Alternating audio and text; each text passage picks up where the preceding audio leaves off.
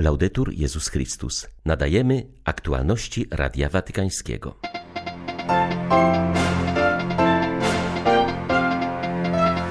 Stolica Apostolska stanowczo sprzeciwiła się błogosławieniu par jednopłciowych.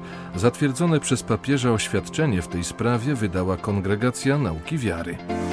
Świat musi pomóc Syrii w odbudowie, inaczej nigdy nie podniesie się z upadku apeluje nuncjusz apostolski w Syrii w dziesiątą rocznicę wybuchu wojny. Dziś dzień modlitwy o pokój i demokrację w Birmie. Papież zachęca tamtejszy kościół do budowania mostów między stronami konfliktu. 15 marca witają Państwa ksiądz Krzysztof Ołdakowski i Łukasz Sośniak. Zapraszamy na serwis informacyjny. Kongregacja Nauki Wiary wydała oświadczenie, w którym stwierdza, że nie można udzielać błogosławieństwa parom złożonym z osób tej samej płci. Dokument stwierdza, że nie stanowi to przejawu żadnej niesprawiedliwej dyskryminacji, ponieważ nie jest wyrazem osądu konkretnego człowieka. Kościół nie dysponuje władzą udzielania błogosławieństwa związkom osób tej samej płci, dlatego nie może być ono uznane za dozwolone, stwierdza Kongregacja Nauki Wiary w odpowiedzi na przedstawioną wątpliwość. Dlatego, jak czytamy, nie jest właściwe, aby księża błogosławili pary homoseksualne, które proszą o jakieś religijne uznanie ich związku. Papież został poinformowany oraz wyraził zgodę na opublikowanie odpowiedzi i dołączonej do niej noty wyjaśniającej, podpisanej przez prefekta kongregacji kardynała Luisa Ladarie oraz jej sekretarza arcybiskupa Giacomo Morandiego. Dokument wpisuje się w ramy szczerej woli przyjęcia i towarzyszenia osobom homoseksualnym, którym proponowane są drogi wzrostu w wierze, zgodnie z tym, co zostało ustalone również w adhortacji Amoris Leticia, mówiącej o koniecznej pomocy oferowanej osobom homoseksualnym w zrozumieniu i pełnej realizacji woli Bożej w ich życiu. Dlatego należy ocenić projekty i propozycje duszpasterskie w tym zakresie, a wśród nich te, które dotyczą błogosławieństw dla związków. Zasadnicze znaczenie w dokumencie kongregacji ma rozróżnienie między osobą i związkiem. Negatywna odpowiedź na błogosławieństwo dla związku nie oznacza osądzenia poszczególnych osób, które powinny być przyjęte z szacunkiem i delikatnością, unikając wszelkich oznak niesprawiedliwej dyskryminacji.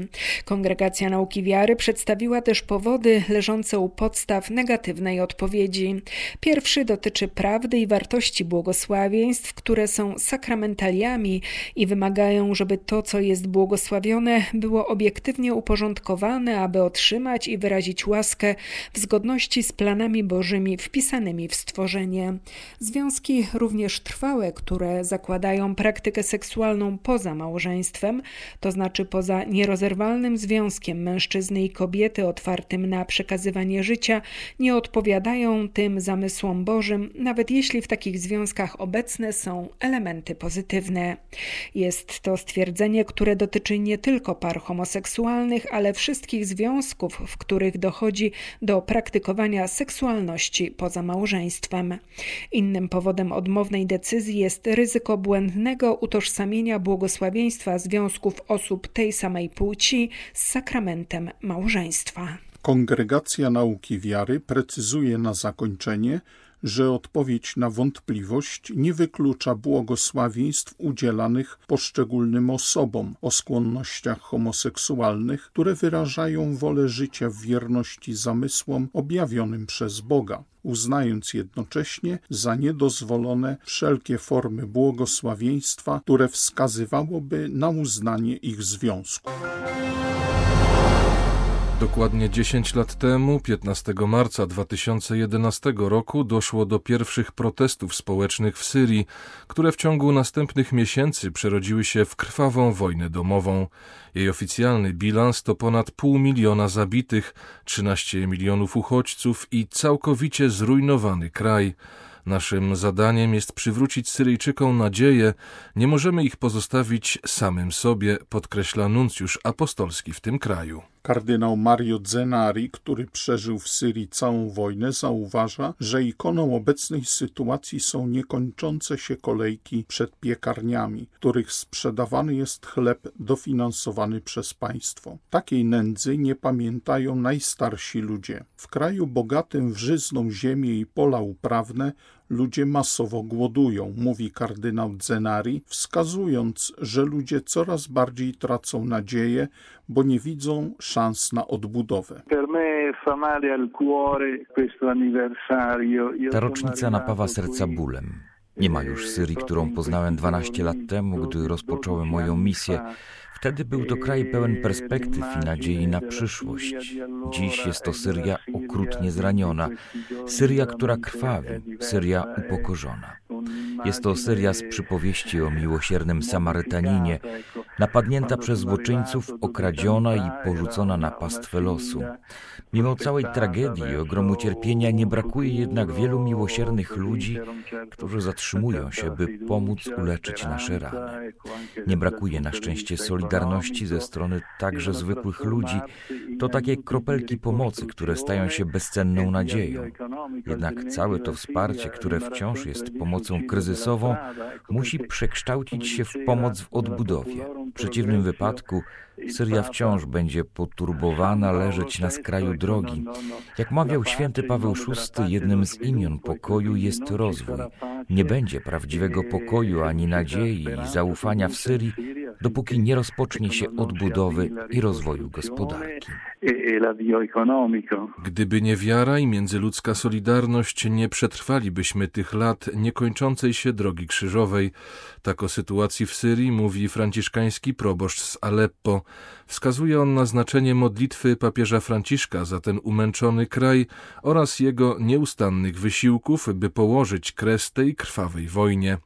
Tylko dzięki Ojcu Świętemu nasza ziemia nie jest totalnie zapomniana, mówi Radiu Watykańskiemu ojciec Ibrahim al-Sabah. Franciszkanin przypomina, że także w czasie swej pielgrzymki do Iraku Franciszek wielokrotnie odnosił się do tragicznej sytuacji w Syrii. Wielu z nas powtarza za papieżem z nadzieją, oby to był ostatni rok tej wojny i niewyobrażalnego cierpienia mówi ojciec Al-Sabak.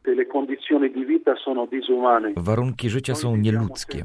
Żyjemy prawie bez elektryczności, prąd jest tylko godzinę dziennie. Ludzie głodują, ponieważ nie mają pracy, a inflacja się pogłębia. Nie widzą drogi wyjścia z obecnej sytuacji. Są kilometrowe kolejki po benzynę do samochodów i grzejników. Rośnie liczba zachorowań na koronawirusa. Po ludzku jest to nie do zniesienia. Dlatego zachęcam naszych parafian, by patrzyli na to bolesne doświadczenie oczami wiary. Przez te lata doświadczyliśmy, że Bóg o nas dba, że nas nie opuścił. Bez tej pewności byśmy nie przetrwali. Bezcenna jest konkretna pomoc Kościoła i papieża. To dla nas jest gest czułości samego Boga.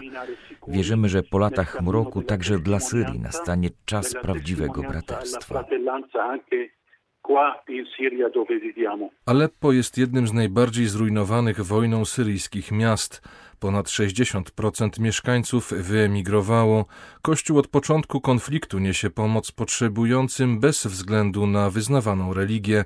Przez Caritas Polska realizowany jest m.in. projekt Rodzina Rodzinie. W związku z Międzynarodowym Dniem Modlitwy w intencji Birmy kardynał Charles Bo zaapelował do wojskowych, którzy na początku lutego w wyniku zamachu stanu przejęli władzę w tym kraju o pojednanie i pokój. Módlmy się o ochronę demokracji i poszanowanie praw człowieka. Zadaniem armii jest obrona ludności, a nie jej atakowanie, podkreślił metropolita Rangunu w opublikowanym dziś wideo przesłaniu. Zaapelował o dialog oraz uszanowanie wyników wolnych wyborów. Tylko w ten sposób nasz kraj znajdzie się na drodze do pełnej demokracji, zanim będzie na to za późno, zaznaczył kardynał Bo. Dodał, że Kościół w tych dniach jest wezwany do bycia świadkiem sprawiedliwości, pokoju i pojednania. Jego zadaniem jest niesienie pociechy wszystkim zalęknionym i przeciwstawianie nienawiści siły miłości. Birma znajduje się dziś po raz kolejny w czasach ciemności, rozlewu krwi i represji. Panuje dyktatura brutalności i przemocy. Tysiące ludzi zostało zabitych, rannych lub aresztowanych. Zbliżająca się Wielkanoc jest przebłyskiem światła jako znak zmartwychwstania dla całego narodu, który cechuje niewiarygodna odwaga i zaangażowanie. Pokazaliśmy to podczas trwających wiele dni demonstracji w całym kraju. Te cechy naszego społeczeństwa sprawiają, że z trudem wywalczona demokracja nie zostanie nam odebrana. Głęboko wierzę w to, że Birma wyjdzie z tej tragedii, że staniemy się krajem, w którym każdy człowiek ma równe prawa, w którym szanuje się różnorodność etniczną i religijną i w którym panuje prawdziwy pokój. Wierzę w Birmę, w której żołnierze odłożą broń, oddadzą władzę i zaczną robić to, co do nich należy bronić ludzi, a nie ich atakować. Watykański sekretarz stanu wystosował list do arcybiskupa Rangunu, kardynała Charlesa Bo, którym zachęca Kościół birmański do zaangażowania w proces pokojowy w kraju. Kardynał Parolin zachęca w imieniu papieża do zjednoczenia zainteresowanych stron w poszukiwaniu większego dobra dla wszystkich, szczególnie w celu spełnienia nadziei młodszych pokoleń. Pokój jest możliwy i pozostaje jedyną drogą, podkreśla watykański sekretarz stanu. Powołuje się przy tym na liczne wypowiedzi Ojca Świętego, który wielokrotnie apelował do osób odpowiedzialnych w kraju, aby oddały się na służbę dobra wspólnego dla harmonijnego współistnienia demokratycznego. Po roku od pierwszego lockdownu i wprowadzenia zakazu odprawiania publicznych nabożeństw, życie parafialne w wielu kościołach w Holandii upada. Relacje wiernych z parafiami coraz bardziej się rozluźniają, a pandemia przyspiesza proces sekularyzacji. Takie wnioski płyną z rozmów przeprowadzonych przez jeden z holenderskich tygodników katolickich z księżmi z niderlandzkich diecezji. Koronawirus przyspieszył zwyczajny spadek frekwencji na mszach związany z sekularyzacją. Pod tym względem staliśmy się kościołem z roku 2030, powiedział jeden z proboszczów. Według danych z września ubiegłego roku, czyli zebranych sześć miesięcy po pierwszym marcowym lockdownie liczba wiernych w holenderskich parafiach zmniejszyła się aż o 25%. Księża podkreślają, że obecnie trwa walka o tych, którzy wcześniej mieli luźną więź z parafią, ale jednak pojawiali się, a teraz w ogóle przestali uczęszczać na msze. Statystyki pokazują, że spada także liczba udzielanych sakramentów. Wstrzymane zostały wszelkie działania katechetyczne, w tym przygotowania do pierwszej komunii i bierzmowania. Proboszczowie zauważają, że zmienił się także sposób przeżywania pogrzebów. Ludzie coraz łatwiej godzą się z tym, że pochówek bliskiej im osoby odbędzie się bez mszy i obecności księdza. Prawie wszyscy księża, z którymi rozmawiała holenderska gazeta, uważają, że po kryzysie parafie będą musiały poradzić sobie nie tylko z mniejszą liczbą wiernych, ale także z brakiem wolontariuszy i chórzystów. Koronawirus, zdaniem proboszczów, ma też pozytywne konsekwencje. Ludzie zaczęli przychodzić na msze bardziej z potrzeby serca niż z przyzwyczajenia. Duszpasterzy kryzys zmotywował do kreatywności i poszukiwania nowych form dotarcia do wiernych. Włochy są dotknięte podwójną pandemią sanitarną i ekonomiczną, ostrzega przewodniczący konferencji episkopatu Włoch. Od dziś większość włoskich regionów ma twardy lockdown. Zamknięte są wszystkie szkoły, bez ważnego powodu nie wolno wychodzić z domu. Jak podkreśla kardynał Gualtiero Bassetti, w obecnej sytuacji podwójnej pandemii trzeba chronić zarówno zdrowie, jak i miejsca pracy, ponieważ klęska bezrobocia uderza w godność osoby. Były to aktualności Radia Watykańskiego. Laudetur Jezus Chrystus.